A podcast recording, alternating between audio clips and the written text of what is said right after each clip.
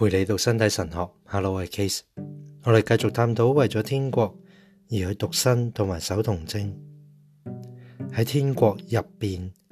人也不娶也不嫁。马太福音廿二章，为天国守贞，确系与所启示嘅呢个事实有关。呢个系一个神恩性嘅标记，活睇也娶也嫁嘅在世处境入边嘅人呢，即系男同女啦。若果系按住佢嘅自由意志去选择为天国守贞，说明咗喺呢个国度入边，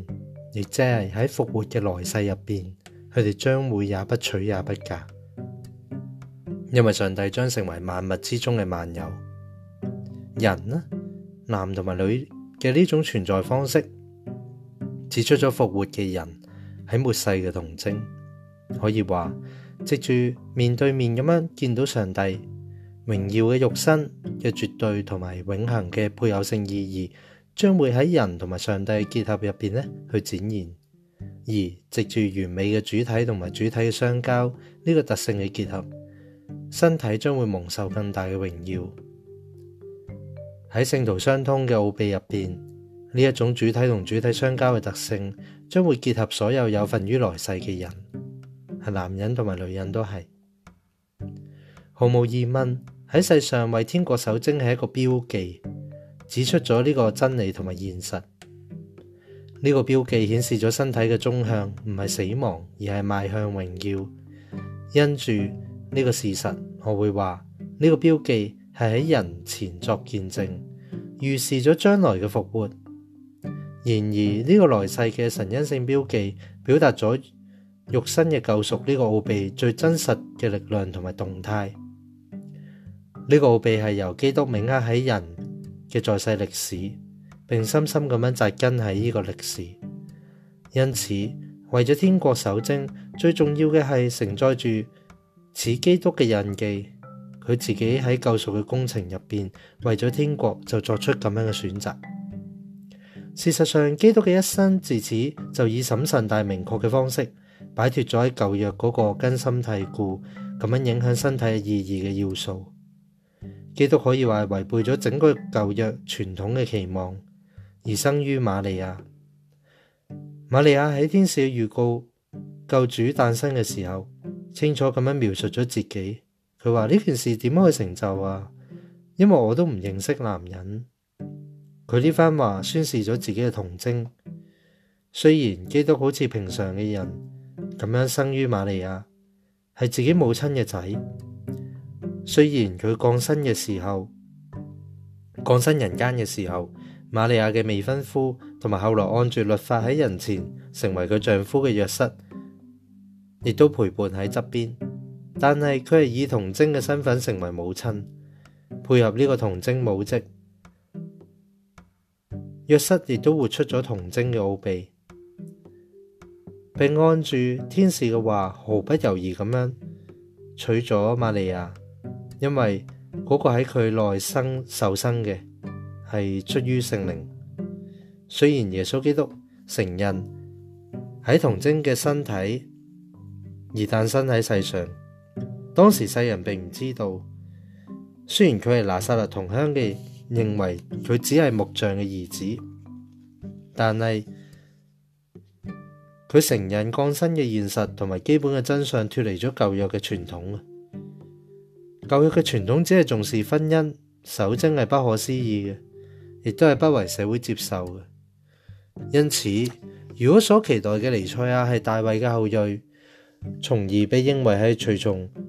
肉性而生嘅皇族後裔，人又點樣可以領悟為天国守贞呢？只有瑪利亞同埋約瑟喺生活入边參與咗基督誕生嘅奧秘。成为最先嘅见证人，见证咗有别于肉性嘅多产，亦即系嚟自圣灵嘅多产。喺马太福音一章咁样描述，那在他内受生嘅系出于圣灵。耶稣诞生嘅历史确实系设立咗为天国守贞嘅启示，亦即系基督后来同门徒讲论嘅。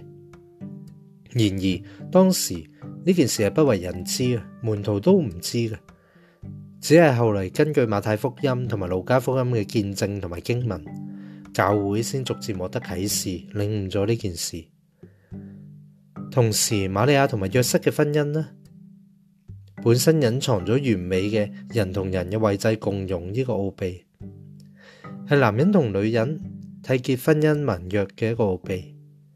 亦都同时包含咗。为天国守贞嘅超卓生活嘅奥秘，呢种守贞为救恩史入边最完美嘅圣灵嘅多产服务，实在呢个喺一定程度上面系绝对圆满嘅精神多产，因为真系玛利亚同埋约瑟喺拿撒勒建立嘅婚姻同埋守贞嘅盟约入边，永恒嘅言啊，永恒之言啊，言说嘅言啊。降生咗成人，亦因此得以实现啦。与圣父同性同体嘅上帝嘅仔，喺童贞玛利亚身上成人，诞生为人。二性一位嘅结合，呢个恩宠可以话，可以话，净系关系到呢一种绝对圆满嘅超性嘅多产，系圣灵嘅多产。玛利亚身为受造嘅人，但系喺为天国守贞嘅状况入边，分享咗呢一种多产。玛利亚上帝之母嘅身份，可以话系圣灵多产嘅丰富启示。当人自由咁样去选择以身体守贞，具体而言系为咗天国而守贞呢就系喺精神上面顺从呢一种嘅多产。呢个图像逐渐喺教会意识入边。喺一代接一代宣认基督嘅人身上咧，逐渐浮现出嚟。早期嘅福音使佢哋确信童贞女因住圣灵承认成为咗上帝嘅妈妈。呢一种确信用间接但系重要同埋基本嘅方式，帮助我哋领会到婚姻嘅神圣，以及基督佢系门徒所讲为咗天国而舍弃嘅意义。然而，当佢首次谈论呢个主题嘅时候，佢哋完全唔知道佢成人同埋诞生嘅伟大奥迹，除咗佢哋拿撒勒耶稣嘅听众同埋对谈者，同样唔认识呢个奥秘。当基督谈论为咗天国而自阉嘅人嘅时候，门徒只能从基督嘅个人榜样先能够领悟到呢番说话。基督一直为天国而守独身，因此喺门徒嘅意识入边，咁样嘅守贞必然系一种超似基督嘅特征。旧约传统认为婚姻同埋身体方面嘅多产喺宗教上面系蒙恩嘅状态，门徒必定系以基督为榜样，先可以脱离到呢个传统。门徒系逐渐意识到为天国而言呢人喺精神同埋超性上面嘅多产有特别嘅意义，而呢一种嘅多产呢系来自圣灵嘅，且喺某种意义上同埋某啲情况下。正系由守贞成就嘅嗰个，就系为天国而去守贞。所有呢啲福音意识嘅要素，亦即系喺基督入边所建立新约应有嘅意识，或多或少都可以建喺保罗身上。我哋将会喺适当嘅时候咧，再会说明更多。咁咧会喺第八十二到八十五集咧会继续讲呢件事。总括而言，今日探讨嘅主题可以话系就系基督所宣告嘅，为咗天国去守贞。同人喺精神方面嘅超性多產之間嘅關係，而呢一種多產正係嚟自聖靈下一次咧，我哋會去繼續讀誒關於為咗天國呢一個嘅词詞語。